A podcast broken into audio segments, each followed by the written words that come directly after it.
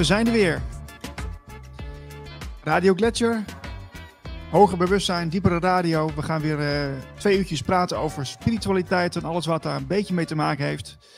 Uh, Marlijn, uh, fijn dat je er bent. Ja, fijn dat jij er ook bent, Niels.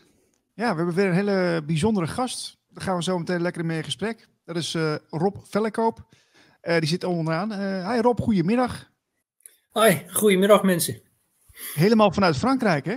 Ja, helemaal. Ja, nou. ja, we gaan het hebben over de Qataren. Maar misschien is het eerst even goed. Uh, ik heb hier een leuk boekje meegenomen. Daar kunnen we het zo meteen ook wel even over hebben. Uh, misschien even uh, dat we kort even weer wat gaan pluggen, Marlijn. Want dan moeten we wel steeds een beetje doordoen met, met de dingetjes die wij hebben. We hebben een nieuwsbrief. Misschien is dat wel leuk om daar even mee te beginnen. Om er even mee te beginnen, ja. Nou, we hebben een nieuwsbrief. En uh, we, we, ja, eigenlijk elke week zou er een nieuwsbrief uh, moeten komen. Dat is in ieder geval het plan. Mm -hmm. En dat is uh, tot nu toe twee keer gelukt. Dus het gaat goed. Super, super. Nou, we hebben ook een, een doneerknop, hè, om gelijk maar eventjes erin te gaan. Als je mensen denken van, nou, we vinden Radio Gletscher een leuk initiatief. steun ons, dat kan via de do doneerknop. Ik hoor allemaal rare geluiden. maar dat, dat maakt niet uit. Franse geluiden. Franse geluiden zullen dat zijn. Um, dus dat kan ons, je, kunt ons steunen. En, uh, en daarnaast natuurlijk volg ons op de sociale kanalen. We hebben Facebookpagina, we hebben Twitter. Dus uh, dan uh, ben je altijd op de hoogte van de laatste ontwikkelingen, uitzendingen. En dan, dan gaan we hard. Um, ja, ik, ik, ik kwam eigenlijk via via bij Rob weer uit. Want Rob, we spreken elkaar regelmatig. En jij bent een beetje gedoken in het verhaal van de Kataren. Um, kun, kun jij vertellen waar, waarom jij juist nu in deze tijd zo uh, daarmee uh, mee bezig bent? Nou ja, het interessante van de Kataren vind ik, is de vrijheidsstrijd die zij 700 jaar geleden streden. Dat wij die uh, nu ja, wereldwijd een beetje dunnetjes over aan het doen zijn. En dat, dat is wel een hele opmerkelijke parallel, vind ik. Dus dat wat zij eigenlijk gedaan hebben, zich bevrijd hebben, eh, ze hebben het helaas, althans in deze wereld, met de dood moeten bekopen. Mhm. Ja, dat, uh, wij zitten daar ook middenin. En we kunnen er eigenlijk best wel veel van leren. Van wat zij uh, dachten, deden. Mhm. En op de manier, de manier ook waarop ze naar de, de wereld keken. Ik denk dat we daar best wel wat moed uit kunnen putten. Ja, want ik, ik heb het uh, boekje er maar eens even bijgepakt van Bram van Moerland. Of Bram Moerland is het eigenlijk. En uh, die zegt eigenlijk dat de, ja, het idee van de Kataren, het, het uh, ja, zou het een geloof kunnen noemen een ideologie. Um, maar dat is uit de gnostiek ontstaan, is gezegd. Mm -hmm. um, en, en ze hadden altijd een beetje of, ja, een soort tegenstand van, van de kerk. En uiteindelijk is dat hun natuurlijk vertaal geworden in, in, in Zuid-Frankrijk. Uh, maar jij vertelde mij ook dat de Qatar eigenlijk veel, veel breder uh, uiteengezet is dan, uh, dan wij denken. Ja, ja het, is eigenlijk, het is eigenlijk een, een veel groter verhaal met een, een, een, met een diepere bodem. Het, het, probleem is alleen dat 700 jaar geleden, of laat ik zeggen vanaf 1000 tot 1500, zijn de. ik ga eventjes wat aan dat geluid doen, want anders flikker ik hem hier. Ben heel, uh, heel uh, in trek volgens mij vanmorgen. Ja, zo leuk, allemaal live hè. Als ik iets, ja dat maakt me niet uit. Als ik iets irritant vind, dan zijn het uh, mobielen. Dus die heb ik nu even geïmmobiliseerd. Um, nee, maar wat, wat, wat, ja, wat het interessante ook aan die Qatari is, is dat het een veel bredere beweging was. Het duurde ongeveer van 1000 tot 1500. En dat er allerlei uh, uh, geloofsgenoten, zo zal ik ze maar noemen, ja, uh, waren eh, tot aan Bulgarije en Turkije toe. Dus het was eigenlijk een hele brede beweging. En die was zeker ook heel breed ehm, vertakt en, en, en, bij, bij de gewone man en de gewone vrouw terechtgekomen. Mm Ondanks het feit dat ze op een verschrikkelijke manier onderdrukt werden. En dat is, ja, dat kan je je bijna niet voorstellen. Alhoewel we, naarmate we meer in de coronadictatuur vastkomen te zitten, ja, gaan we dat ook steeds meer voelen. Maar hun leven, de leven, het leven van, laat ik maar zeggen, de Kataren of, uh, nou, hoe we ze ook moeten, mogen noemen, want ze noemden zichzelf geen Kataren. Dat is ook weer een naam, een label wat de Rooms-Katholieke Kerk hen opgeprijkt, opge, uh, opgepind heeft. Zij zagen zichzelf gewoon als christenen. Uh, ja, ja, die Kataren, die, die, die, die leden, die leden een, een zwaar leven samen met, uh, met de andere mensen. Ze werden geleid door de kerk. En als je je niet aansloot bij de kerk, als je geen blijk gaf gelovig te zijn, dat wil zeggen aanhanger van de kerk, ja, dan was je, al een, was je snel een afvallige. En dan schakelde de, de kerk binnen de kortste keren de autoriteiten in. Ja, en dan kon je het zwaar te verduren krijgen als ketter of als, uh, als heks of als, als tempelier. dus het, het, ja, het, was een, het was een moeilijk leven. Daarnaast is het zo, en dat is ook zo, zo aardig met, als je luistert naar de, de ideeën van David Icke. David Icke heeft het altijd over de perceptie. De, de, de, manier uh, waarop we eigenlijk kijken naar de maatschappij, die ons wordt ingegeven door de informatie die we opvangen iedere dag. Nou, als je kijkt naar de informatie die de, de mensen van toen kregen, de informatie van toen kwam van de preekstoel. Dus, dus het, het, het hele wereldbeeld wat uh, die mensen hadden, was een wereldbeeld van hel en verdoemenis. Als ze niet zouden geloven of als ze niet de tien geboden zouden volgen, nou, dan zouden ze gewoon branden in de hel. En dat werd natuurlijk iedere dag uh, herhaald. En uh, ja, het, het, vervelende was dat alleen de, de rijken zich van dat uh, onheil min of meer konden loskopen. Met, met, ja, met allerlei toeters en bellen met prachtige namen. Ja, en, en de armen, ja, die, die, die, die ja, die, die, zouden gewoon het, het hellevuur krijgen. Dus die mensen waren doods en doods benauwd. En daarnaast waren werden ze onwetend gehouden. Uh, ze wisten heel weinig. Ze hoefden ook niets te weten, want het enige wat ze moesten doen was werken uh, op het land van, uh, van, de, van, van de bazen, van hun eigenaren. En ze moesten geloven, punt. Ja. Wat, dus, wat maakt, het, maakt, maakt het, waren die Kataren, zaten die daar nou dichter bij de waarheid, Rob? Of, of uh, anders werden ze niet zo snel uh, onderdrukt natuurlijk? Of hoe, hoe, moet ik dat zien? ja, dat is een dubbele vraag. Um, nou ja, het feit dat ze onderdrukt werden, dat komt omdat ze zich niet aansloten bij de kerk. Hè, um, ze waren afvallig. Het, het waren eigenlijk heidenen, het, het, het waren ongelovigen. Ja, dat kan natuurlijk niet. En juist omdat het een veel bredere beweging was dan die paar mensen op, op die Mont Segur, op, de, op dat bergtopje in Zuid-Frankrijk, was het een serieuze bedreiging van de kerk. Uh, is, uh, Rob, is uh, Kataren, is dat ook een soort scheldnaam dan eigenlijk? Ja, Qatar betekent eigenlijk ketter. Hmm. Dus het is maar een label wat ze opgeplakt kregen. Daarnaast uh, kregen ze ook als label opgeduwd dualistisch.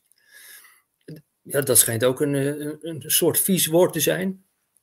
Uh, hun dualisme hield dus in dat zij tegenover de, de God van het Oude Testament de God van het Nieuwe Testament zetten. En zij zeiden, nou, dat zijn twee, twee goden die, die passen helemaal niet bij elkaar. Dat, dat is niet dezelfde God. Hoe kan dat nou? Wat is dat nou voor onzin? Zij zeiden, wij zijn meer een aanhanger van liefde. Van de God die liefde nastreeft. Geweldloosheid. Zorg voor elkaar. Wij accepteren geen God van het kwaad. Dus zij zagen de God van het Oude Testament eigenlijk als Satan. En die stelden ze tegenover hun eigen God. Nou ja, probeer dat maar eens te verkopen in, in de Rooms-Katholieke Kerk. Dat kan natuurlijk helemaal niet. Want die hadden zo'n prachtig verhaal in elkaar gefietst wat nu Bijbel heet.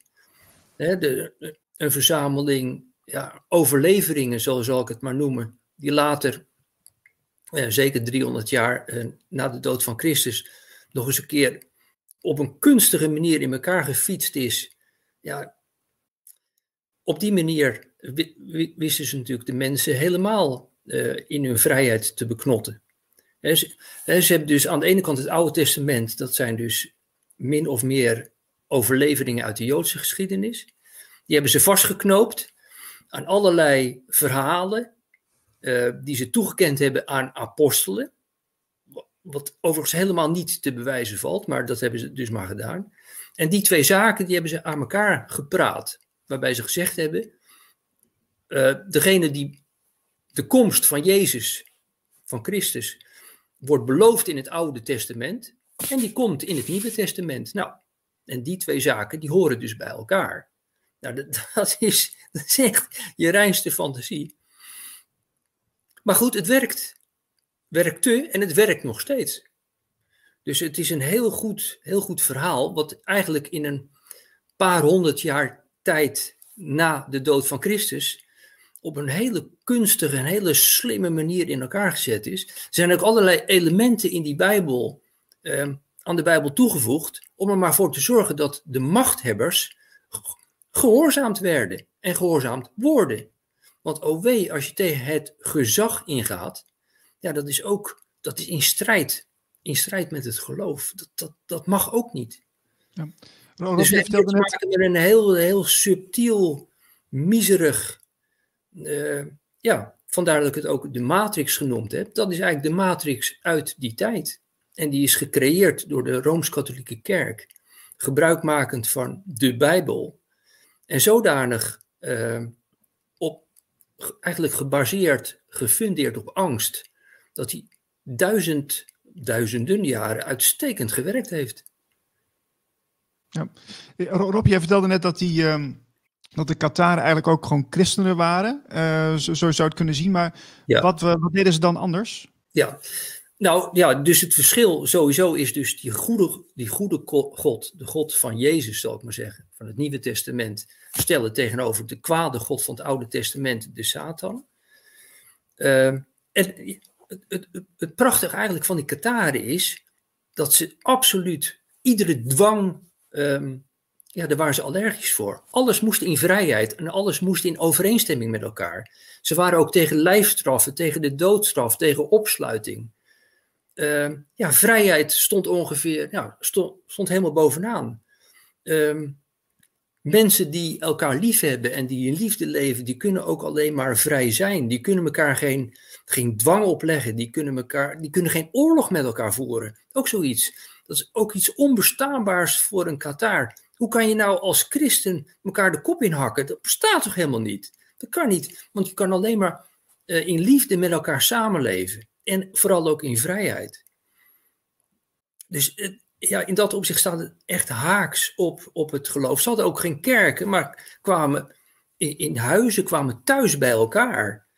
Ze hebben ooit eens één concilie gehad met, uh, met, wat, met wat andere lui uit inderdaad het oosten, dus uit, uh, uit als ik het wel heb, uit Bulg, Bulgarije. Het, het, is een hele andere club mensen. hun perceptie hè, hun er komt het woord perceptie weer, hun, manier waarop ze naar de werkelijkheid keken, uh, was dus gefundeerd in liefde, in warmte, in, in, in, in um, samen zijn. Ja, dan, dan krijg je ook een, hele, een heel ander gedrag. Dan ga je heel anders met elkaar om. Ja, zo is het ook. En je vertelde net uh, dat, uh, dat er wel parallellen zijn te trekken met, met deze tijd. Uh, wat, wat, zouden we nou kunnen leren dan van, van, uh, van de Kataren? Nou, dan moeten we iets meer nog over die Kataren vertellen. Uh, Kataren geloofden dus niet dat je, uh, dat je zielenheil of dat je het gaan naar de hemel ergens vandaan kon toveren of dat je dat kon kopen of, of dat je dat kon krijgen als je goede werken deed. Nee, de basis van hun geloof is, je moet eerst jezelf leren kennen. Je moet eerst voldoende zelfkennis uh, bij elkaar schrapen in de loop van je leven, voordat je überhaupt verder kan komen. En dat, ja, dat, dat zie je nu tegenwoordig ook wel weer, dat, dat mensen zich steeds meer bewust raken van het feit dat die zelfkennis ook voor zelfbewustzijn noodzakelijk is. Dus zelf, zelfkennis is de clue. Ze zeiden ook, uh, God, Christus en Jezus ligt niet buiten ons, maar zit in ons. Dus als je in staat bent om jezelf beter te kennen, dan leer je de liefde en de goddelijkheid die in je zit ook beter kennen. Uh, en dan, Dan hoef je niet meer te zoeken, want het is er al. Nou, dat is schitterend. Dus het is zo optimistisch, zo hoopvol, zo hoopgevend. Ja, en als je daar dan de zwartheid en, en de angst van de, de kerk tegenover zet, ja, dan zijn zij het licht en is de kerk uh, het donker. Waar, uh, waar zaten de Kataren? Uh, de Kataren in, in, in zo, zoals we die aanspreken, die zaten dus in Zuid-Frankrijk, maar hun geloofsgenoten zaten, ik heb een kaartje voor me, zaten ook in het gebied vanaf Antwerpen tot Straatsburg. die zaten ook in Noord-Italië, die zaten in het hele gebied van Kroatië tot, tot aan Bulgarije. Tot in, uh, zelfs in een deel van Oostenrijk of van Turkije toe. Uh, en ook nog wat in het, uh, in het verre oosten, of het nabije oosten heet het eigenlijk. Zeg maar noordelijk van, van Israël tot aan Turkije, zeg maar. Libanon en omstreken. Dus het waren allerlei, allemaal geloofsgenoten van elkaar die, die gnostische principes waar ik het net over had, dus de liefde in jezelf, de goddelijkheid in jezelf zien en vinden. Uh, een enorm verspreidingsgebied. Wat, wat is de dus, link? Zeker, dus is zeker geen, uh, geen fringe, geen, uh, uh, zoals Trudeau de truckers zo mooi noemt, hè? dat is een, ook een randverschijnsel. Nou, de Rooms-Katholieke Kerk zag dit dus ook als randverschijnsel. Hij vergeet het maar. Wat, wat, heeft, wat is de link met, uh, met Jezus en uh, Maria Magdalena? Ja, ja. nou, uh, het Maria Magdalena verhaal wordt, is altijd ontkend door de Rooms-Katholieke Kerk en de, de aanverwante kerken. Maria Magdalena heeft in, in hun Bijbel eigenlijk niet zo'n prominente plaats en speelt uh, aan de gnostische kant een veel, veel belangrijke rol. Uh, uh, ja, wat moet ik daarover zeggen? Ja, Maria Magdalena was dus een, een, een, ik zal maar zeggen, een close vriendin van Jezus. Ehm, en in de Bijbel zie, eh, wordt, wordt ze als ik het goed heb, beschreven als een soort hoertje die uh, Jezus eens een keer tegenkwam. Hmm. Maar ze schijnt dus een veel belangrijke rol, een belangrijke invloed op het leven van Jezus gehad te hebben dan uh, ja, de Bijbel aangeeft. Maar het is niet zo dat zij zeg maar, aan de basis stonden van zeg maar, de Kataren. Nee, nee, zeker niet. Nee.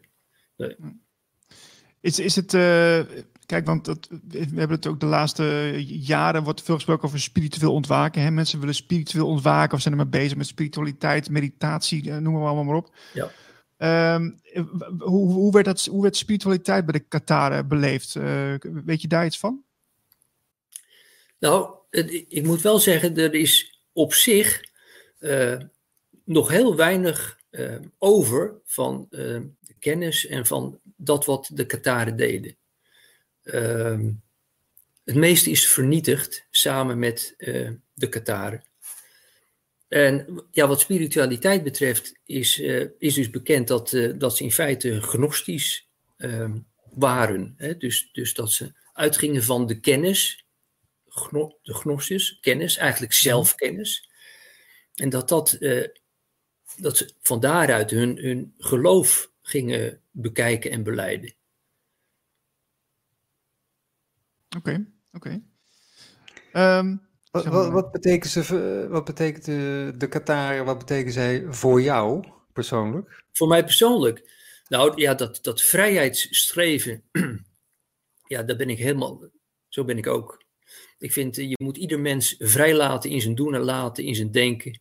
Je mag nooit een ander een, gedachte opdringen of een dogma. En je mag ook mensen niet straffen of uh, wat dan ook, want je bent namelijk gelijk. Er is niemand beter uh, dan een ander. Er is niemand gesteld boven een ander. Dat hebben een stel uh, idioten verzonnen en die, die baseren daar de huidige machtsstructuur op. Maar Dus vrijheid, zoals ik die bij de Kataren vind, dat is helemaal de vrijheid zoals ik ook leef en zoals ik er naar kijk. Dus het spreekt me ontzettend aan. En als... is wel een link met, met als, ik, als ik even in mag breken met, met de tijd van nu. Hè, want je ziet heel veel mensen die, die donders goed doorhebben van uh, wanneer de vrijheid wordt ingeperkt en wat vrijheid nou eigenlijk betekent. En die mensen die, die lijken wel of die gezamenlijk uh, zonder schroom uh, opstaan. En, en, en, en heel veel mensen die, dat, ja, die zich daar minder van bewust zijn. die, die dan toch weer geneigd zijn om, om makkelijker in de pas te lopen. Dat is, die, ja. is eigenlijk heel makkelijk die scheidslijn tussen ja, die, ja, die mensen die dat wel doorhebben en niet. En toen in die tijd van de Qatar, ook met mensen die misschien makkelijker te vangen waren voor uh, de kerk, zeg maar. Dus ja, mm -hmm. zo zou je een mooie parallel uh, kunnen zien. Zeker, dan. zeker. En, en een van de leuzen bij demonstraties in Nederland is vrijheid, liefde, geen dictatuur. Dus die vrijheid en die liefde staat bovenaan. En dat, ja, dat stond dus bij de Qatar ook bovenaan. Dus je, je zou bijna kunnen zeggen dat de vrijheidsstrijd die nu gevoerd is, een soort Kataarse vrijheid, vrijheidsstrijd is. En zo zie ik hem ook. Um, het, het, spreekt me ontzettend aan dat je, je moet eens proberen voor te stellen. Kijk, wij leven ook in angst. Iedereen leeft op dit moment in angst. Uh, zeker de niet-gevaccineerden, die hebben zoiets van: het zal toch mij niet gebeuren dat ze een, een naald in mijn arm douwen. Hè? Dus, dus die angst die is ook hier. Maar je moet je voorstellen wat de angst van de mensen van toen was. Ja. Hè?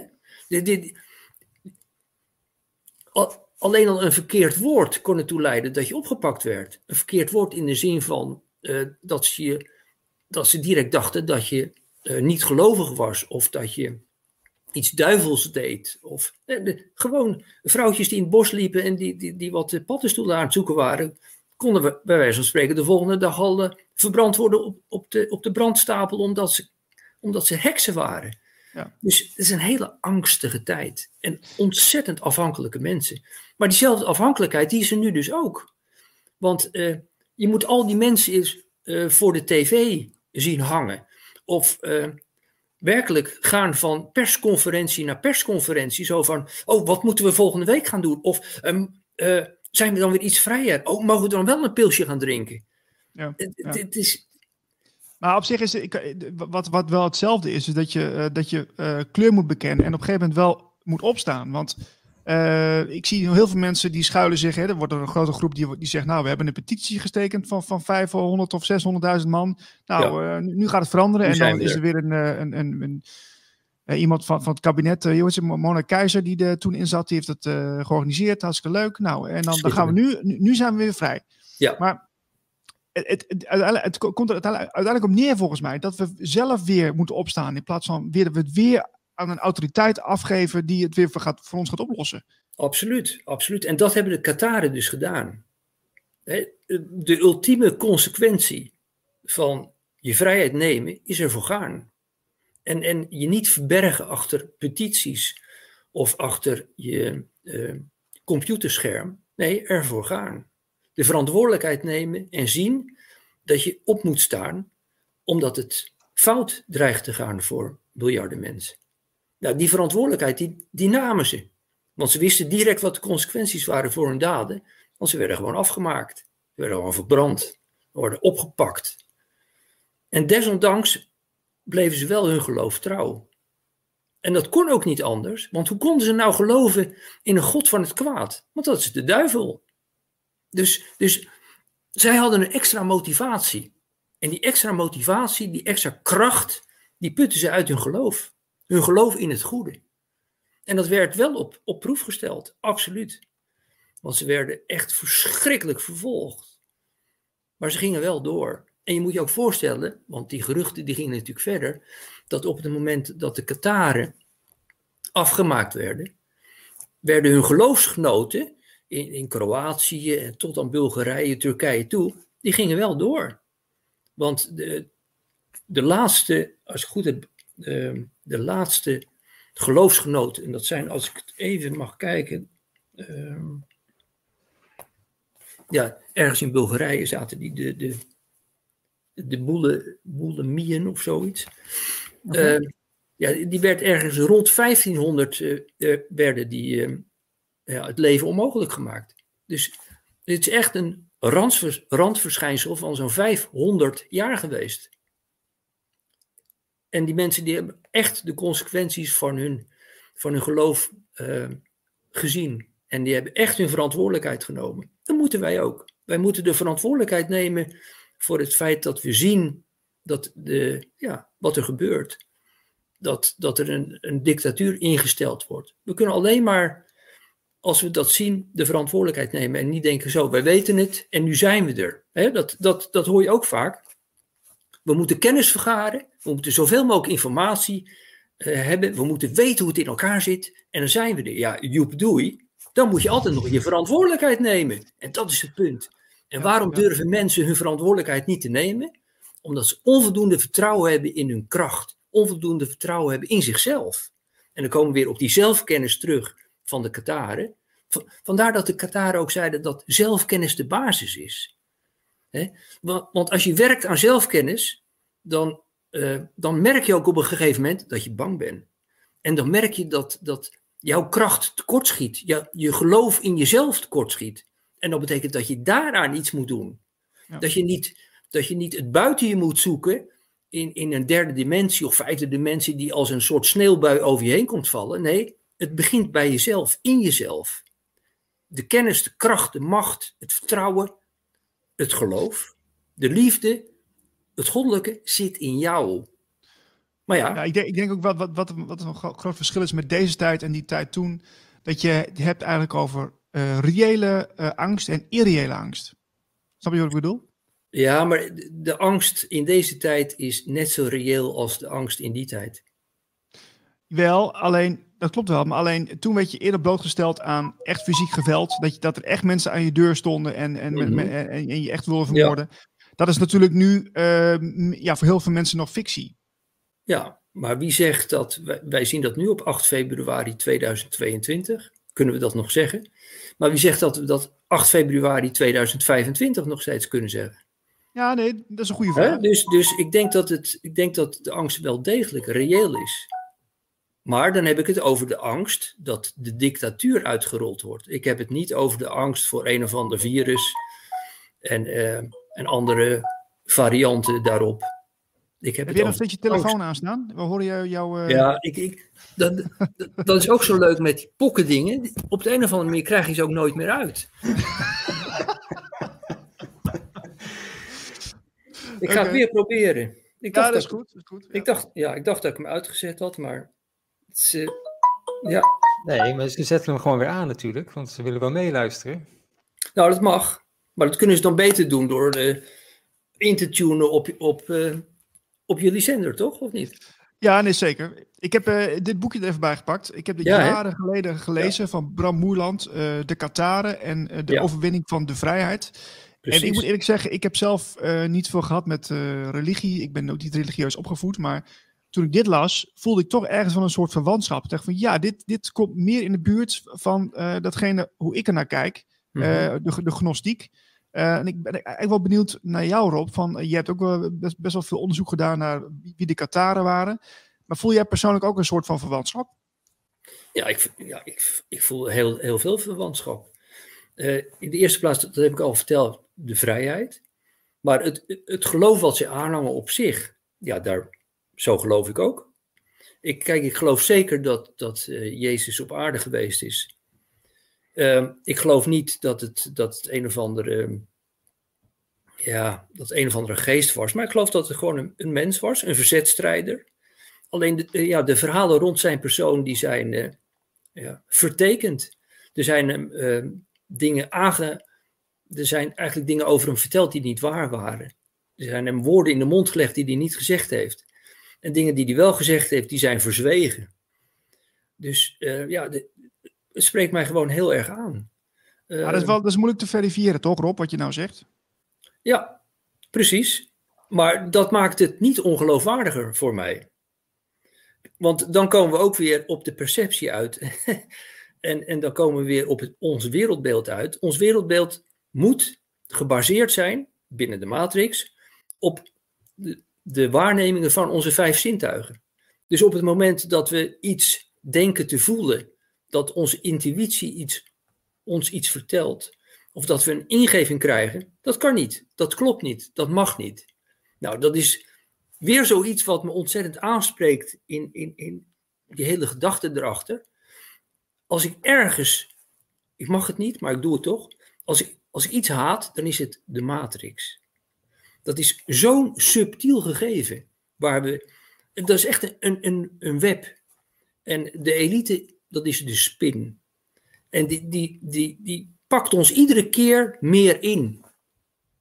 Nou, als ik ergens een hekel aan heb, is het daaraan, want die beknot mijn vrijheid en mijn mogelijkheden te doen en te laten wat ik wil. Dat, dat, dat, ja, dat is verschrikkelijk. En ja, die Kataren, die, die zagen dat ook. Die zagen die Rooms-Katholieke kerk als het kwaad. En die dachten, ja, flikker maar op. Daar doen we niet aan mee. Dat kan niet, want, want, want wij zien alleen maar liefde. Hoe zie je dat eigenlijk, Marlijn? Uh, heb je ook een hekel aan de Matrix? Nou, ik vroeg me eigenlijk eh, af, want eh, Rob zei net, uh, dat is een beetje begonnen met de kerk. Maar is dat niet al veel langer, die matrix? Is dat niet al, al, al echt al duizenden jaren oud? Ja, het is maar net hoe je er naar, naar kijkt. Ik zie het zo dat vanaf het moment dat de ene mens gezag uitoefent over de andere, dat je, dat, dat eigenlijk uh, de cel is, het begin is van de matrix. En vanaf het moment dat je, dat je dat kan afbreken, dan ben je vrij. Maar wanneer kan je het afbreken? Vanaf het moment dat je niet meer afhankelijk voelt van die leider en van zijn gezag of haar gezag. En dat kan alleen maar, en dan komen we weer, door zelfkennis en zien dat je dat stukje zelfvertrouwen niet hebt en daaraan gaan werken. En pas vanaf het moment dat je voldoende vertrouwen in jezelf hebt, vanaf het moment dat de wereld voldoende vertrouwt op zijn eigen kracht, vanaf dat moment is er geen enkele leider nog nodig.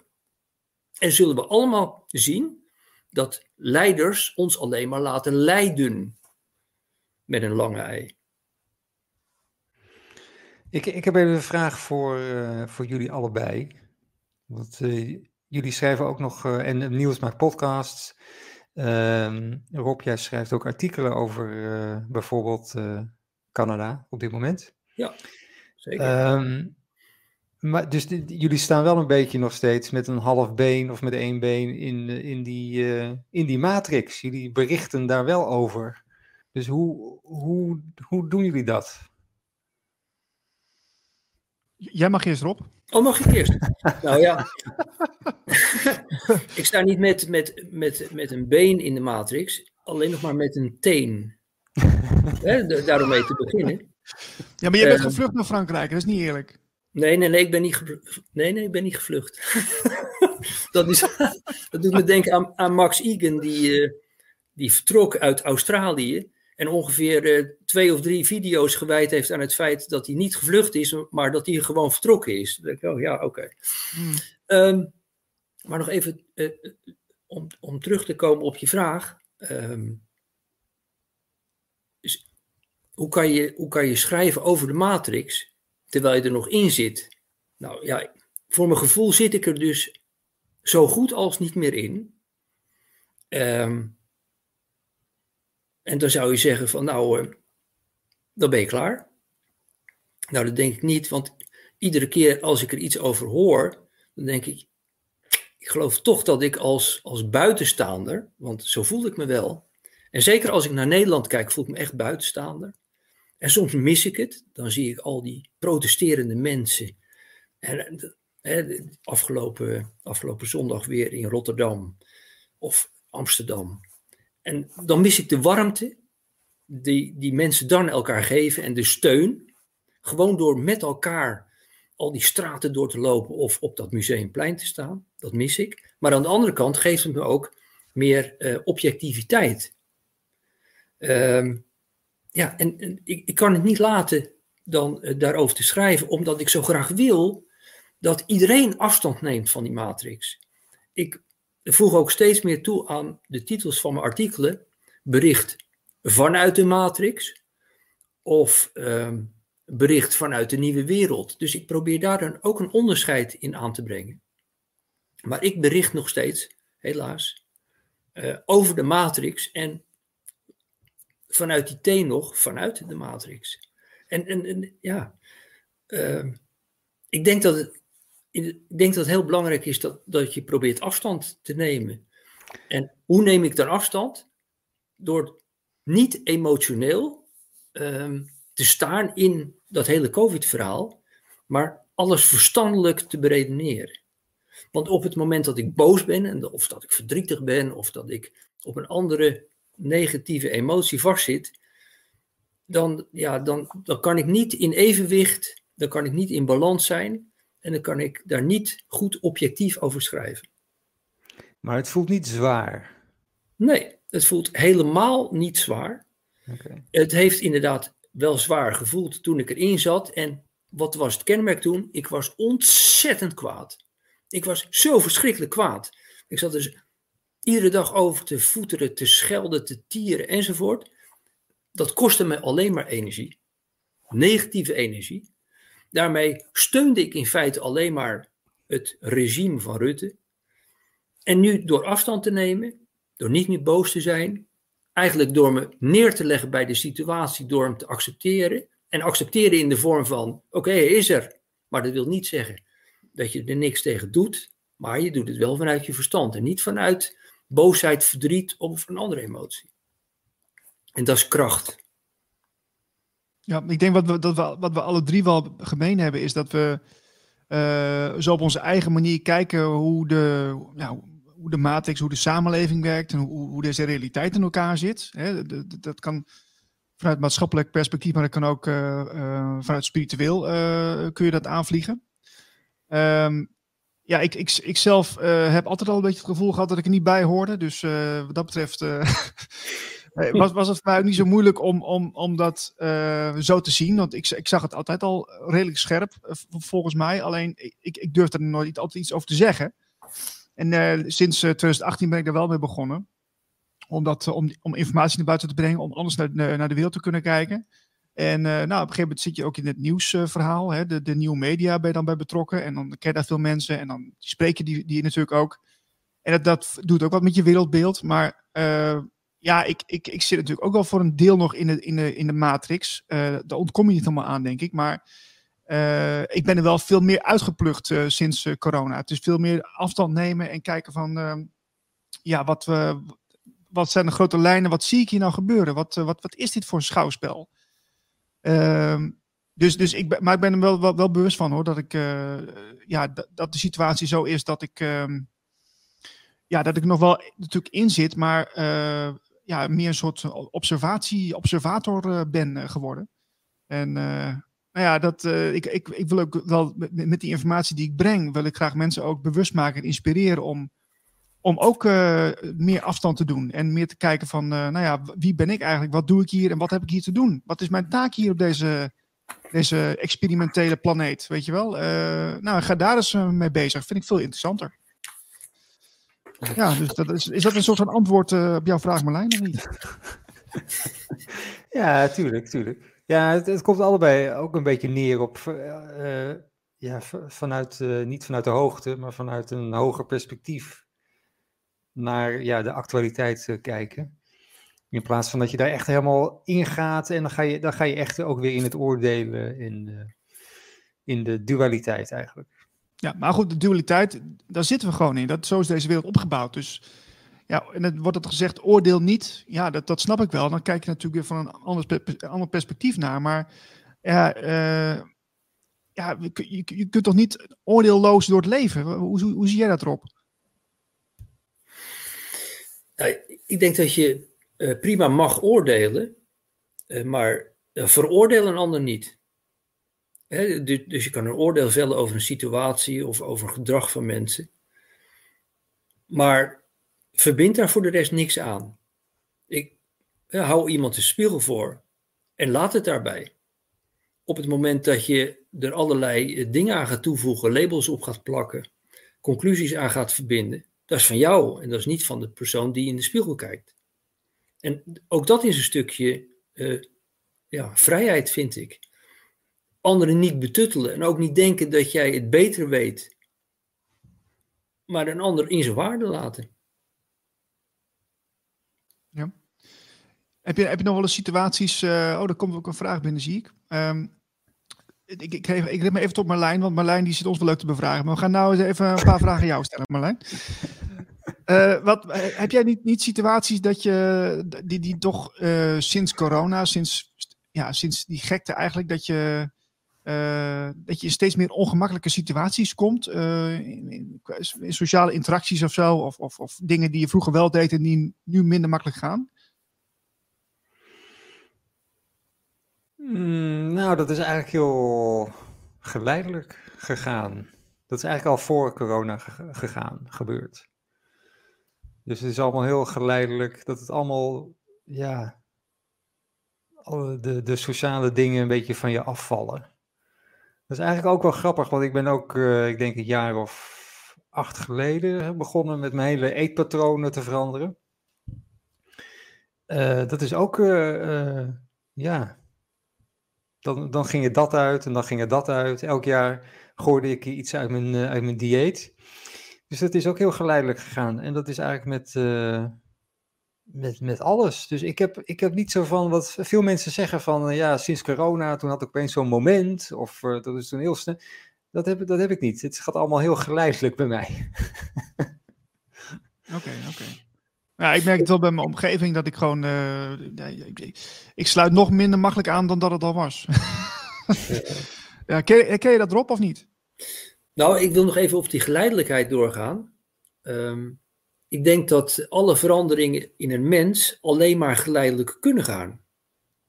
En uh, gebeuren ze met een schok, nou, dan heb je eerst een hele lange periode nodig om van die schok te bekomen. Ook al denk je van, ah, bingo, ik weet het nu dat moet je toch eerst jezelf nog helemaal eigen maken.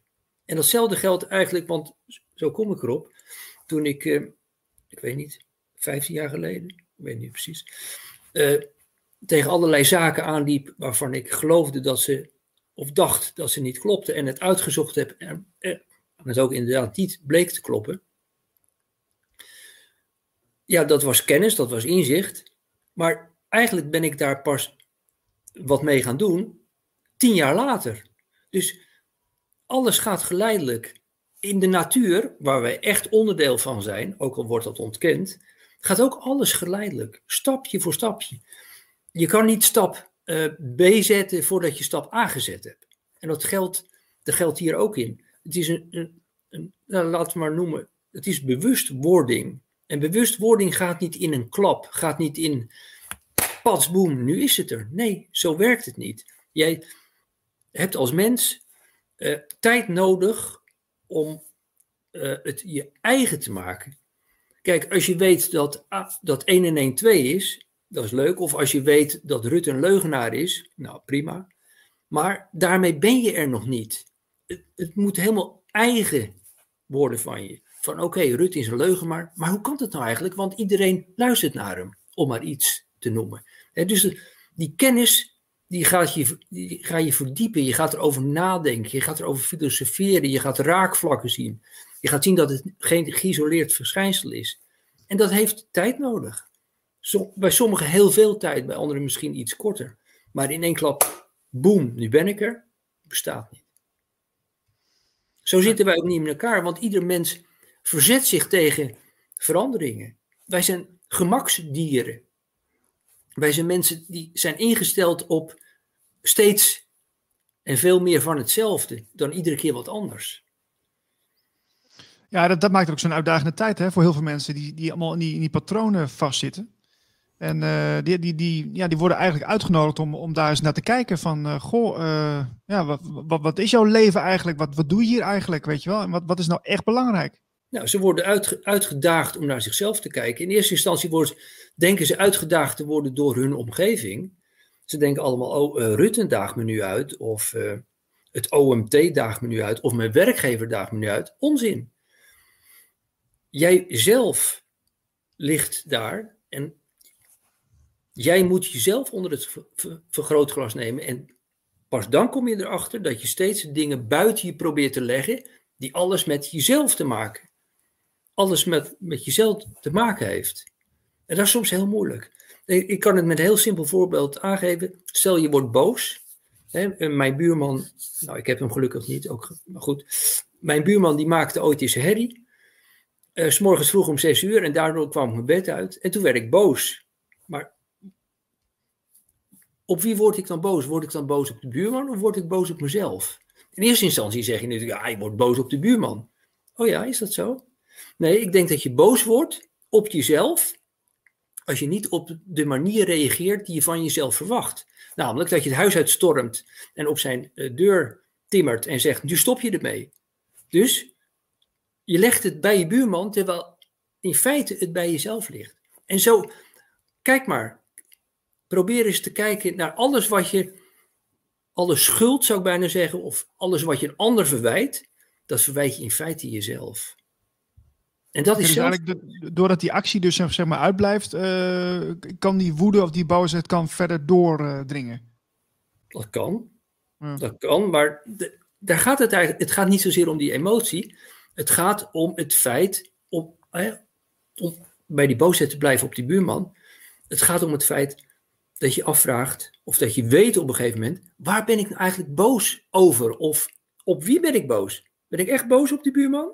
Ben ik boos op de herrie? Of ben ik boos op mezelf? En dat is de zoektocht. Maar vanaf dat moment ben je aan het kijken naar jezelf. En dat is ook de bedoeling. Want alles ligt in onszelf.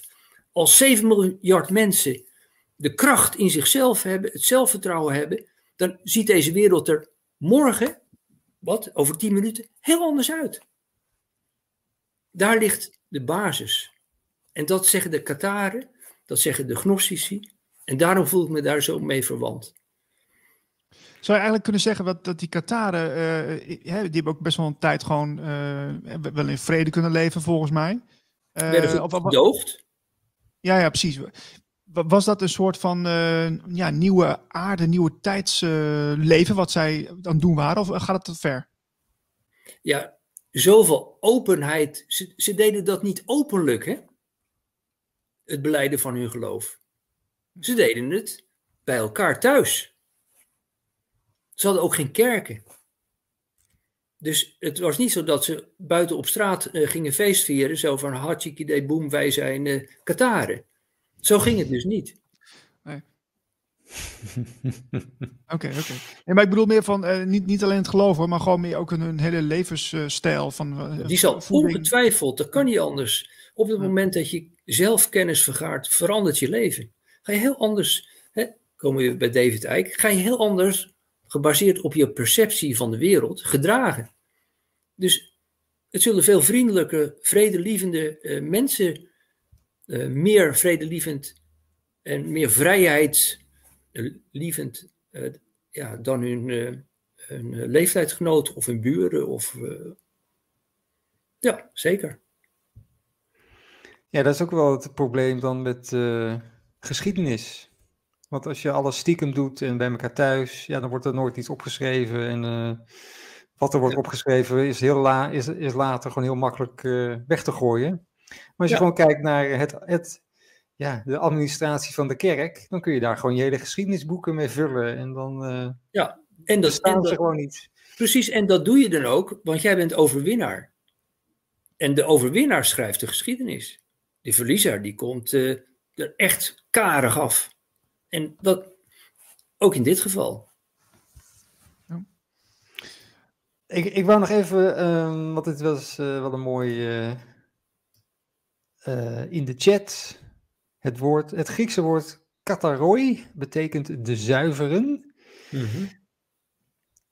ik, ik neem dat zomaar aan, want het is van Billy Daler. Ah, uh, en hij zegt ook, zou het kunnen dat de oorsprong van de Kataren bij de Essenen ligt? Oh ja, ja. Ja, de Essenen heb je natuurlijk ook nog. Um, ja, het is allemaal mogelijk. Um, al geloof ik dat niet zo gauw, omdat zeker in die tijd, kijk, wij, wij uh, tikken nu even op het internet uh, Essenen in of Qatar of weet ik van wat.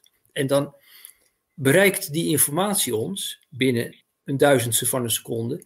En in die tijd waren er, uh, ja, zaten er uh, misschien wel een half jaar, een voettocht van een half jaar tussen.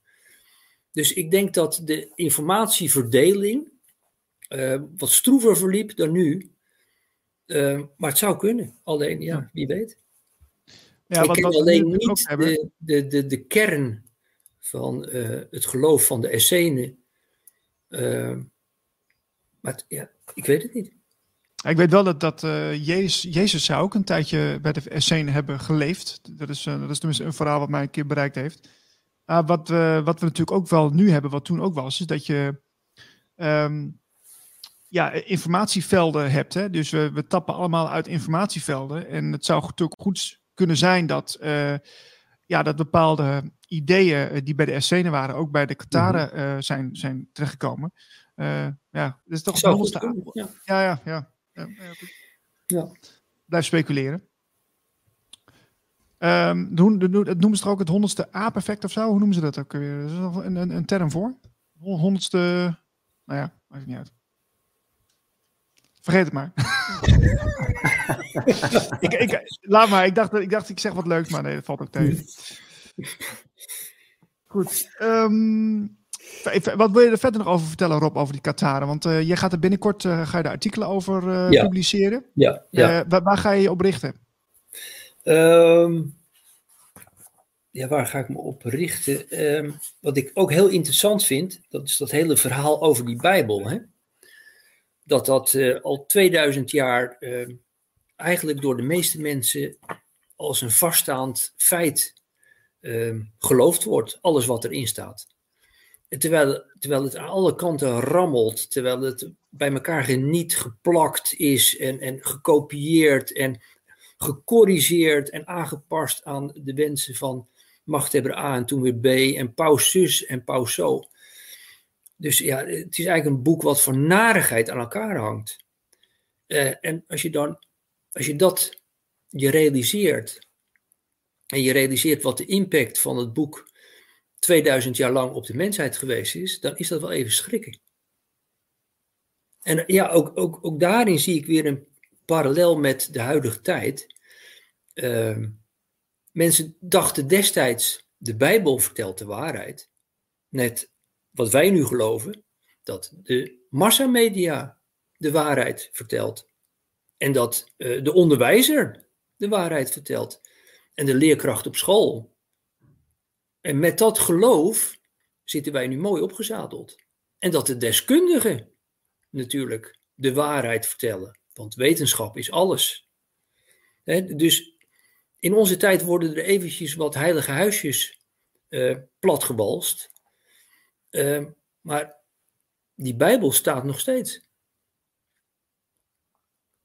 Ondanks het Ja. feit, hè, ondanks dat de, de allerlei vondsten zijn geweest, bijvoorbeeld bij eh, Nag Hammadi in Egypte, dat die rollen zijn gevonden die ze nog eens tegen de Bijbel aangelegd hebben. Ja, dan, dan Ja, het is wel verbijsterend uh, andere, andere kijk op uh, wat, wat, wat verteld werd hè, in, in, in Ja. het Oude Testament. Ja. Ja. Absoluut. Nou ja, het, het, Oude Testament, dat, dat is eigenlijk gebaseerd op, als ik het wel heb, vijf boeken van Mozes. En ja, daar zijn nog wat dingen aan toegevoegd. Want ze hebben natuurlijk geprobeerd dat Oude Testament vast te knopen aan het Nieuwe Testament. Moet je, niet, het, je moet je voorstellen, je hebt gewoon wat, wat, wat troep daar liggen en je hebt wat uh, overleveringen en je hebt een legendetje hier en een sage daar. En er zit een, een monnik met een hele dikke buik achter een tafel. En die denkt, ja, ach, weet je wat, ik pak wat van dit en ik neem wat van dat en ik flikker het daarin en ik maak er een mooi tekeningetje om. En ik heb hier een boek, hoppa. Dat is misschien wat oneerbiedig voor mensen die Mhm. geloven. Maar ik ben ook heel gelovig geweest. En ik ben wel eventjes eh, geschrokken. Toen ik dat, al dat soort dingen las. Dat ik dacht van, hoe kan, hoe kan dat nou? Hoe bestaat het? Nou, hoe bestaat het? Heel simpel, omdat die hele Rooms-Katholieke kerk één grote leugenfabriek is. Punt. Daardoor is het mogelijk en niet anders. Is de, is de kerk uh, het laatste wat gaat vallen?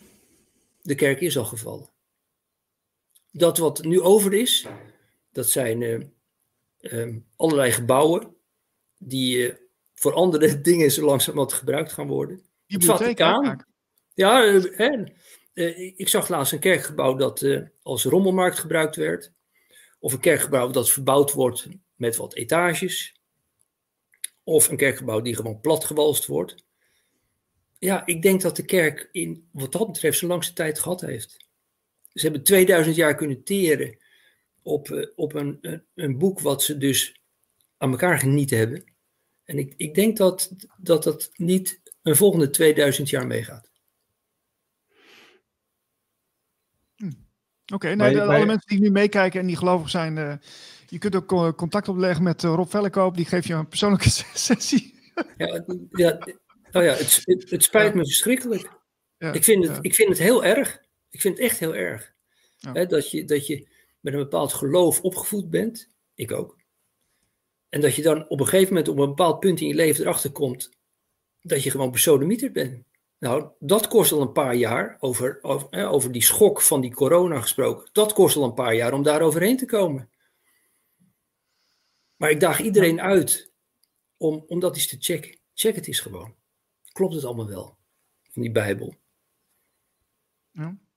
En ja, kijk uit, want je zal je te barsten schrikken.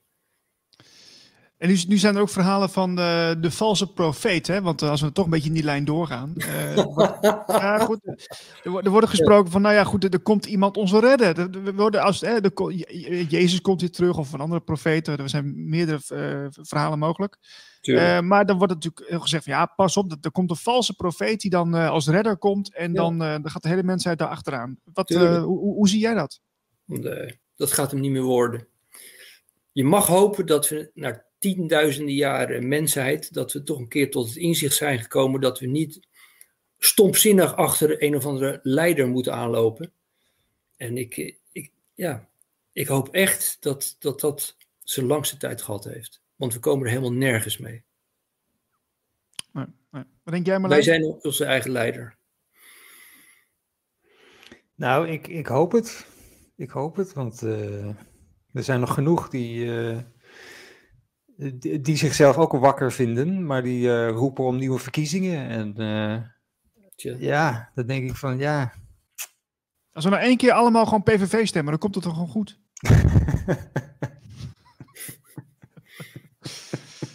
Oké, oké.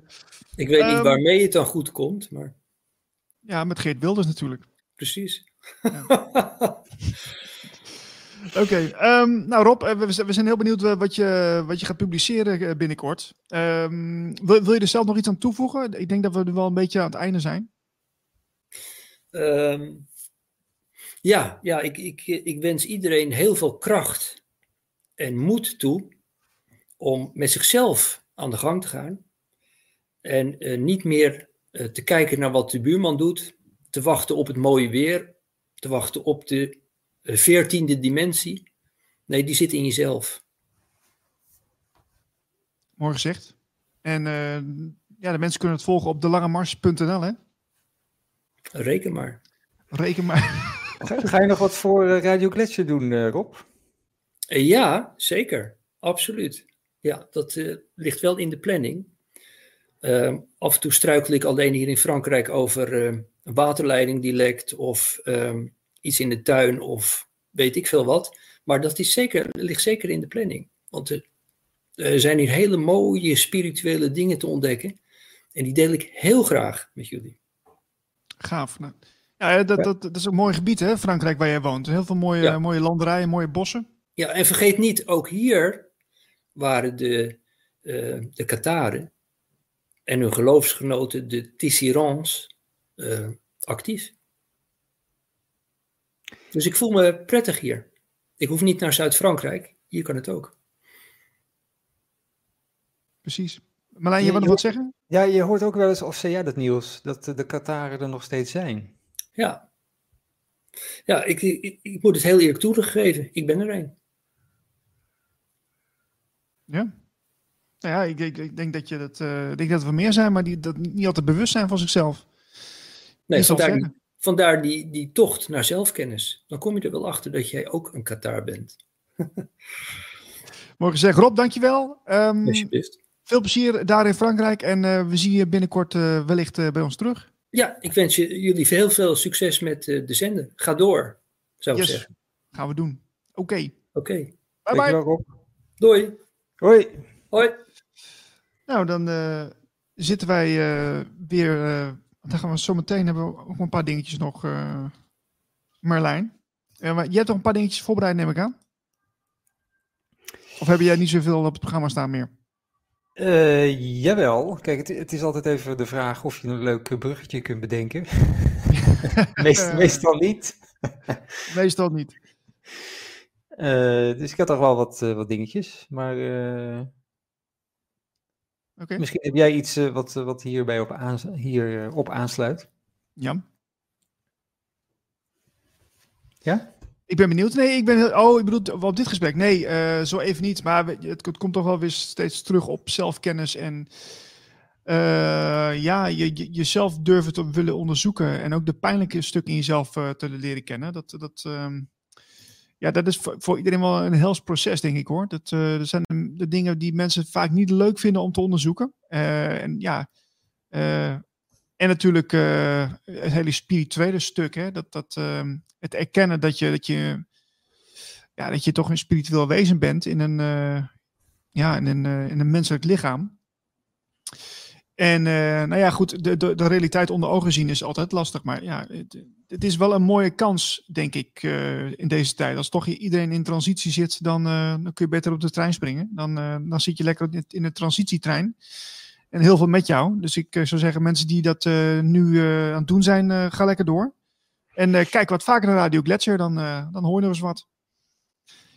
je hebt iets... hebt een Zo is het. Nou ja, Rob had het ook over um, perceptie um, en onze zintuigen. Ja, dit artikeltje, Our brains keep us 15 seconds in the past to help us see a stable world, says study. Dus wat we zien, dat is eigenlijk uh, ja, 15 seconden geleden al gebeurd. Nou zit het wel iets genuanceerder. Uh, the brain automatically smooths our visual input over time. Instead of analyzing every single visual snapshot, we perceive in a given moment an average of what we saw in the past 15 seconds. So by pulling uh, so by pulling together objects to appear more similar to each other, our brain tricks us into perceiving a stable environment. Uh, het is een beetje een lang artikel om dat helemaal door te nemen, maar uh, dat gaat, ja, we, we, nemen snapshots de hele tijd. Gewoon kleine dingen die we zien en dan, dan ja, dat, daar maken we een soort gemiddelde van. En dat is ongeveer okay. 15 seconden van al die snapshotjes. Dat zien we. Dat gemiddelde van die 15 seconden. Uh, en daarom zitten we eigenlijk de hele tijd uh, naar het verleden te kijken. ah, zo, zo zijn er heel veel jaar die, die leven in het verleden en dan, dan kijken ze ook nog eens in, in het verleden. Dat is ook wel een beetje treurig. Maar goed. Ja, want ze zeggen anders lijkt het alsof je hallucineert. Want dat kunnen we helemaal, we kunnen dat helemaal niet aan, om dat, om dat helemaal bewust elk, elk framepje uh, te zien. Nou, dat, dat, dat kan me wel voorstellen, want ik heb, uh, ik heb ook wel wat vaker gemediteerd in het verleden. En dan, dan kom je soms ook in een soort trance. En als je dan je ogen opent, dan, uh, dan lijkt het net alsof je een soort pulserende ja, werkelijkheid voor je ziet. Alsof je in een soort van hogere staat bent gekomen en dat je dan uh, toch anders uh, de, de, kamer in kijkt. Dus ik kan me voorstellen dat, je, dat, dat misschien dat daar iets mee te maken heeft. Misschien ook helemaal niet hoor, maar wel interessant hoe dat, hoe dat werkt, dat brein met, met ons zicht. Want wat was het ook alweer? Ons brein kan 0,005% vertalen van, van wat wij zien. Heb je daar ook iets van gelezen? Ja, maar dat geloof ik nooit, want je, dat, kun je, dat kun je nog meten, zo die procenten. Nee, precies. Maar wel heel weinig in elk geval. Maar, ja. Komt ja, dit ook op de site staan, uh, Marlijn, de, de, dit artikel? Op de site? Van Radio Gletscher? Nou, dat, misschien kunnen we, daar iets, kunnen we daar iets mee doen in het Nederlands. Er staat ook een video bij en dit gaat over. Uh, je ziet twee gezichten die eigenlijk uh, langzaam. De ene verandert, de ene wordt ouder. Maar je, je ziet dat dus niet. Dus als je gewoon blijft kijken naar dat gezicht, dan zie je niet dat het verandert. Hmm. Omdat het met die, met die intervallen werkt. Uh, dus het gaat, het gaat net te subtiel uh, om, om het bij te benen. Dus Dat is wel grappig. Dit staat op, uh, wat is het? Uh, sciencealert.com, als je het uh, zelf wil opzoeken. Oké, cool. Um, ik wil nog even aandacht hebben voor ons programma Logos, of Dit is Logos, van Dennis Nelissen. Die heeft het over occulte zaken. En zij hebben een radio-uitzending elke week, maar dat doen ze ook een, een, um, ja, een soort animatievideo doen ze daarbij. En die is ook op YouTube te zien. Uh, kunnen we wel eventjes naar verwijzen, want het is de YouTube-pagina Dit is Logos. En ze hebben nog niet zo heel veel subscribers, dus als je er even heen gaat en uh, volg het even, dan zullen ze wel leuk vinden. En staat het ook op onze site nu, Radio Gletscher, de, die video, Marlijn? Die video nog niet. Uh, ik weet niet wat er gebeurt nu. Maar die video niet, maar um, die zal ik even opzetten. Ja, Hij staat ja. in ieder geval op de, of in de nieuwsbrief. Dus als je naar ons Twitter-account gaat, dan kun je daar de nieuwsbrief uh, vinden. Staat misschien ook wel op Facebook. Uh, maar daar staat in, die, in, uh, in die nieuwsbrief staat een linkje naar de uh, video van Dit is Logos. Dat is ja. niet de hele aflevering, maar dat is dus het gedeelte waar ja, beeld onder is gezet. Ja, ja is, een, is een mooie toevoeging hoor, want het is die informatie, die occulte informatie, die is heel interessant, maar het is vaak moeilijk om daar een voorstelling van te maken. Daarom hebben ze er ook voor gekozen om, uh, om een ja, animatie of, in ieder geval video bij te doen, zodat het wat meer, meer duidelijk wordt wat ze nou bedoelen. Dus dat is wel, wel leuk gedaan. En nou, ik, ik, zit er ook lekker naar te kijken vanmiddag. Echt wel, wel leuk. De eerste aflevering gaat over waar komt wetenschap vandaan. Dus nou, weer een interessant onderwerp. Een van de vele geloofsovertuigingen die we ook hebben tegenwoordig, hè, wetenschap. ja, dat is een religie. Dat is een religie geworden, wetenschap. Ja, dat, dat, dat, daar komt het op neer. Ik ben, uh, ik moet altijd goed kijken waar het uh, gefinancierd wordt. Maar ja, ik, natuurlijk is er natuurlijk wel wat, wat, wat te halen uit de wetenschap. Ik zeg niet dat het helemaal niet, niks voorstelt of niks wat niet belangrijk zou zijn. Maar het is natuurlijk continu, in proces. Het is iedere keer leren we weer wat nieuws. Dus het is nooit een vaststaande waarheid. En nou, de wetenschap is volgens mij ook best wel in transitie met, met de werkelijkheid die wij nu ervaren. Dus nou ja, leuk. Um, verder nog, ja, als mensen, dat is wel even leuk om te zeggen, als mensen zoiets hebben van nou, ik wil ook meedoen met Radio Gletscher, ik wil jullie helpen of ik wil jullie tippen, stuur even een mailtje naar info.radiogletscher.nl en dan uh, horen we graag van je. Ja, dit is, dit is ook een heilig huisje, denk ik. Het gaat over propaganda. Dit was bij de, de Jimmy Dore Show. En uh, daar ging het over uh, Sacha Baron Cohen, die acteur van uh, Borat en Ali G. Oh ja. Um, dat is niet zo heel interessant, want ja, er wordt ja, niet, zo niet zo heel interessant, hij zelf. Maar um, het gaat wel over hoe wordt Hollywood en hoe worden wij via Hollywood beïnvloed door propaganda die in de films en in series zitten. Dus als je denkt van ik ga lekker een avondje Netflixen, uh, wees je bewust van dat daar heel veel andere agenda's achter zitten. Moet ik dan denken aan uh, die, die, die, die subtiele berichtjes, zeg maar, die heel snel door het beeld flitsen? Of moet ik aan andere dingen denken? Nee, dit gaat gewoon over bijvoorbeeld de, de geheime diensten in een goed licht zetten, bijvoorbeeld. Oh ja. Dus dat, dat staat hier ook. Het gaat over de CIA. Dan staat er in het artikel die, die, die Jimmy Dore hier heeft. Um, even kijken. The Department of Defense has been involved in the production of at least 814 movies and 1133, ook een leuk nummer dat, 1133, television shows, including many of the most successful titles and series. Uh, dus uh, defensie van Amerika, die, uh, die werkt mee. En die zegt van, doe dit maar erin en dat maar erin. En dat schip doen we niet en dat schip doen we wel. En ehm, dan zou je zeggen, dat hebben ze altijd gedaan. Dat is, dat is waar. Maar, dan moeten we terug naar 2011, 2012.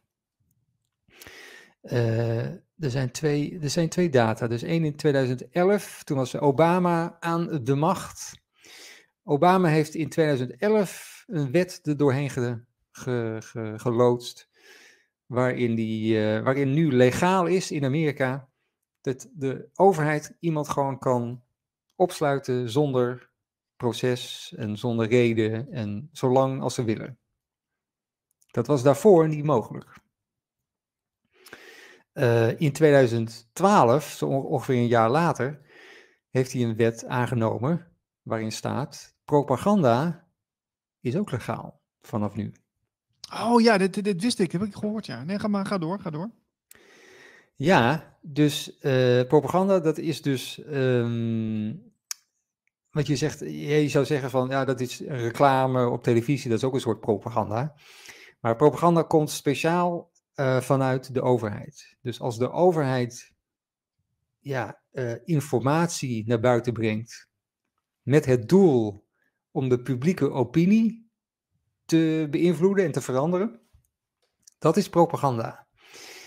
Uh, dat mocht dus niet voor 2012. Dat, de laatste tien jaar mag dat dus wel. Is het gewoon legaal om dat te doen? Maar goed, het is nu 2022. Uh, nu komen ze met dit, met bericht. Ik bedoel, in 2012 is er helemaal geen aandacht aan besteed. Of, maar dan echt helemaal niks gewoon. Uh, nee, want het was Obama. Ja. Ah, die was toch zo goed, hè, Obama? Ja, die was heel goed. Dus uh, ja. ja. Dan uh, wordt er verder niet, verder niet nagedacht of zo. Maar dat, dat, de propaganda is dus legaal. Dat zit dus in, in films, in televisieseries, natuurlijk ook in het nieuws, op televisie met, met actualiteitenprogramma's. Het mag nu. En uh, Jimmy Dore had een ex-CIA-agent CIA had hij, in de uitzending. En die zei, ja, dat ging allemaal een beetje per ongeluk. En dat had met Cuba te maken. En Cuba kon... nou ja, dat was een of, een of ander lulverhaal was dat. Dus, een politicus die iets, per, iets per ongeluk doet. Ja. ja, dat was allemaal zo gegroeid. En, toen hebben ze maar een wetje aangenomen dat het, dat het legaal was. Ja, het was een heel, heel slap verhaal. Uh, maar uh, ja, nee, ja, dit, dit, dit, is echt gebeurd. Het, het is echt. Er zijn nog steeds mensen die zeggen van propaganda, dat bestaat niet. Maar dit is gewoon aan de lopende band gebeurt dit. Dus ook Borat en al die andere films zijn beïnvloed daardoor. Dat is sowieso Borat en zo allemaal ook in scène gezet, hè? Dat weet iedereen ook wel, denk ik. Dat is ja, nee, uiteraard, dat is een typetje, maar toch. Uh, ja, daarom, is, daarom zijn die streamingdiensten ook zo, zo uh, subtiel, hè? Want, want je, je hebt soms het idee, of ik kan me voorstellen dat mensen dat idee hebben van, ja, ik heb daarna een Netflix-documentaire gekeken.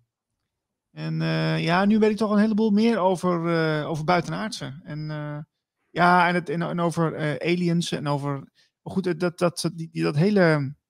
Ja, dat die hele verhaallijn, die wordt dan natuurlijk op, op, een bepaalde manier, zeg maar, zo gebracht. Uh, dat je toch eigenlijk net het, het, het, het, datgene wat je zou moeten weten, of wat, je, wat, wat, wat echt ertoe doet, dat je dat niet uh, eigenlijk helemaal tot je krijgt. Zeg ik het zo goed, Marlijn? Of, of, of... Uh, ja, ja, ja. Ja, Zou iets ja, willen voegen nog? Ja.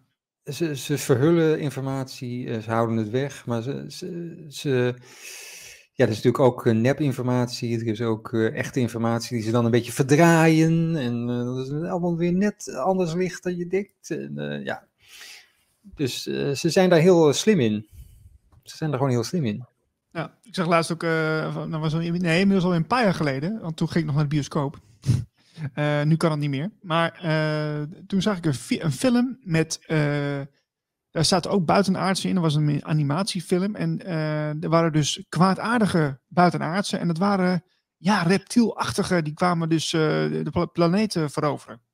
Weet je, dat wordt. Kijk, we kennen allemaal die verhalen wel van reptilians en zo. En maar goed, de een heeft zich wat meer verdiept in, het onderwerp dan de ander.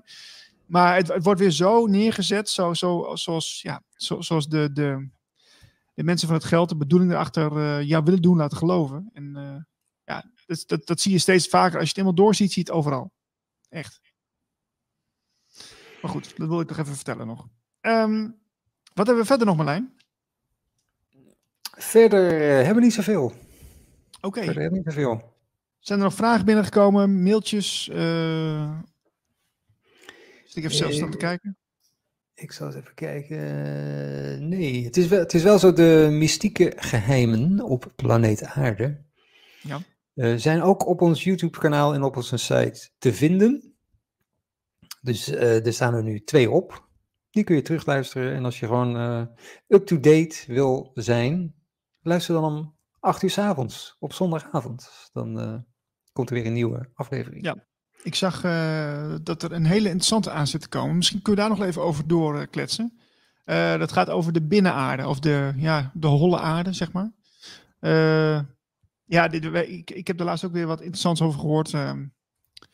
Eh, er zijn meerdere mensen die er wel wat over kunnen vertellen. Eh, hè, het verhaal van die, ehm, die meneer Bird, die, die er overgevlogen zou zijn over Antarctica. En die zou dan ook even in de holle aarde zijn geweest. Ehm, ja, we, we, krijgen binnen- binnenkort krijgen we hier een soort, eh, soort presentatie, een soort lezing van iemand. Dat is volgende maand. Die, die daar heel, heel veel over kan vertellen. Dus het is wel interessant. Ook het verhaal van de naties eh, eh, in, in, ja, in, in relatie tot Antarctica. En die, eh, die weet daar heel veel van. Dus dat, dat komt allemaal later nog. Maar ja, ik, ik sluit het niet uit hoor. Dat, er- dat er een soort realiteit bestaat in een hogere frequentie. op een plek die wij niet ja, voor mogelijk houden eigenlijk. Hoe, hoe, hoe zie jij dat, Marlijn? Oh, ja, oh, dus jij denkt de holle aarde, dat is een, in een andere dimensie. Dat, dat, dat zou kunnen. Dat zou kunnen. Eh, maar misschien ook niet. Ik ben er nooit geweest. En, en hoe is meneer Bird dan eh, daar in die dimensie gevlogen?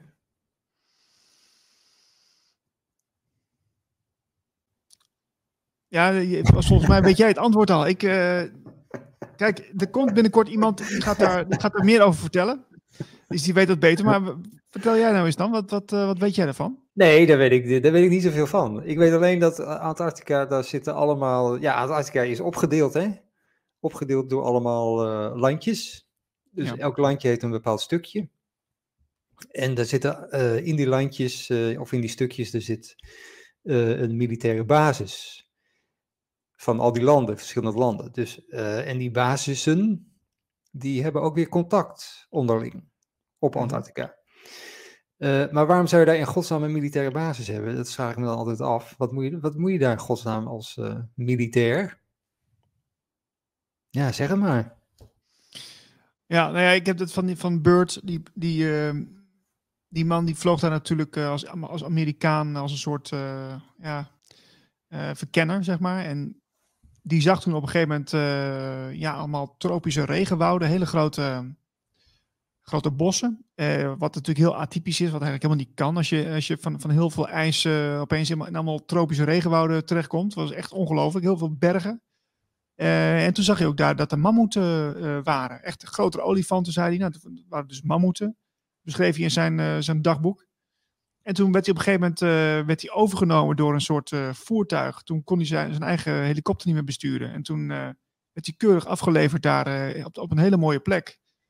En toen, eh, nou ja, toen werd hij eigenlijk meegenomen. En, kwam, kwam iemand te spreken die, die, die zei van... jij moet een boodschap afgeven. En dat moet jij doen eh, nou ja, aan de mensheid, omdat, eh, omdat het bij jullie op de planeet helemaal misgaat. En doe dat maar. En nou, zo, is, zo is het gegaan dat hij terugging. En toen is hij ook weer door diezelfde kracht, is hij met, met zijn helikopter weer teruggebracht. En zo kon hij weer doorvliegen terug naar Amerika toe. Dat is een hele korte versie die ik nou zeg, maar dat heb ik eh, gisteren in een video gehoord van iemand. Ehm, dus ik ben heel benieuwd wat, wat onze spreker daar binnenkort over te vertellen heeft. Want dat is wel eh, fascinerend natuurlijk, als dat, als dat op waarheid berust is. Nou, het is ook in de, hoe heet die film ook alweer? Eh, King Kong. King Kong tegen Godzilla, of Godzilla tegen King Kong of zo. Kijk je daarna? Dan weet je jammer dit. nee, ik dacht, ik er kijk echt naar films, maar... eh, Nee, ik heb er niet zoveel mee. Maar eh, een hele een recente film van echt eh, twee jaar, een jaar of twee jaar oud. En dan zie je ehm, King Kong ook naar die holle aarde gaan. Dus er is, er is dus ook een soort, eh, soort tunnel waar die, waar die eh, doorheen valt of zo. En dan komt hij ook in een soort eh, holle aarde-achtige wereld terecht. Gaaf.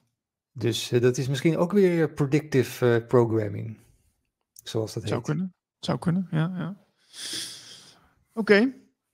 Ehm, nou, ik denk dat we er wel zijn, hè? Heb, je, of heb jij nog een, een leuk iets? Je wil afsluiten? een leuk iets. Een leuk ja, iets. ik heb nog wat. wat. natuurlijk de, de stilte van de week kunnen wij nog even promoten. Want dat zou leuk zijn als jij een leuke stilte hebt, want dat willen we toch een beetje meer onder de aandacht brengen. stuur het naar ons door, info.radioglacier.nl en we laten graag een mooie stilte horen. Dat is het. we, we, gaan niet stellen wie de volgende week is. Hè? Dat moeten dan mensen in de nieuwsbrief lezen. Alleen voor de mensen die de nieuwsbrief lezen, die kunnen zich ook aanmelden op onze website. Onderaan, meld je aan voor de nieuwsbrief. Dan hoor je alle ins en outs van het programma. En uh, de gasten, de bloopers van Marlijn. En uh, zo nog een aantal andere dingen. Foto's die je niet mag zien. Uh, foto's van Mark Overmars komen er ook in, in voor. nee, die, die, bewaren we liever niet. Dit is, die is uit je privécollectie. Dus, ja, ja, ja. Precies. Um, dus dat. en dan zijn we de volgende week gewoon weer. Zelfde tijd, zelfde zender. Nou, iedereen dank voor het kijken en tot de volgende keer. Tot later. Tot later.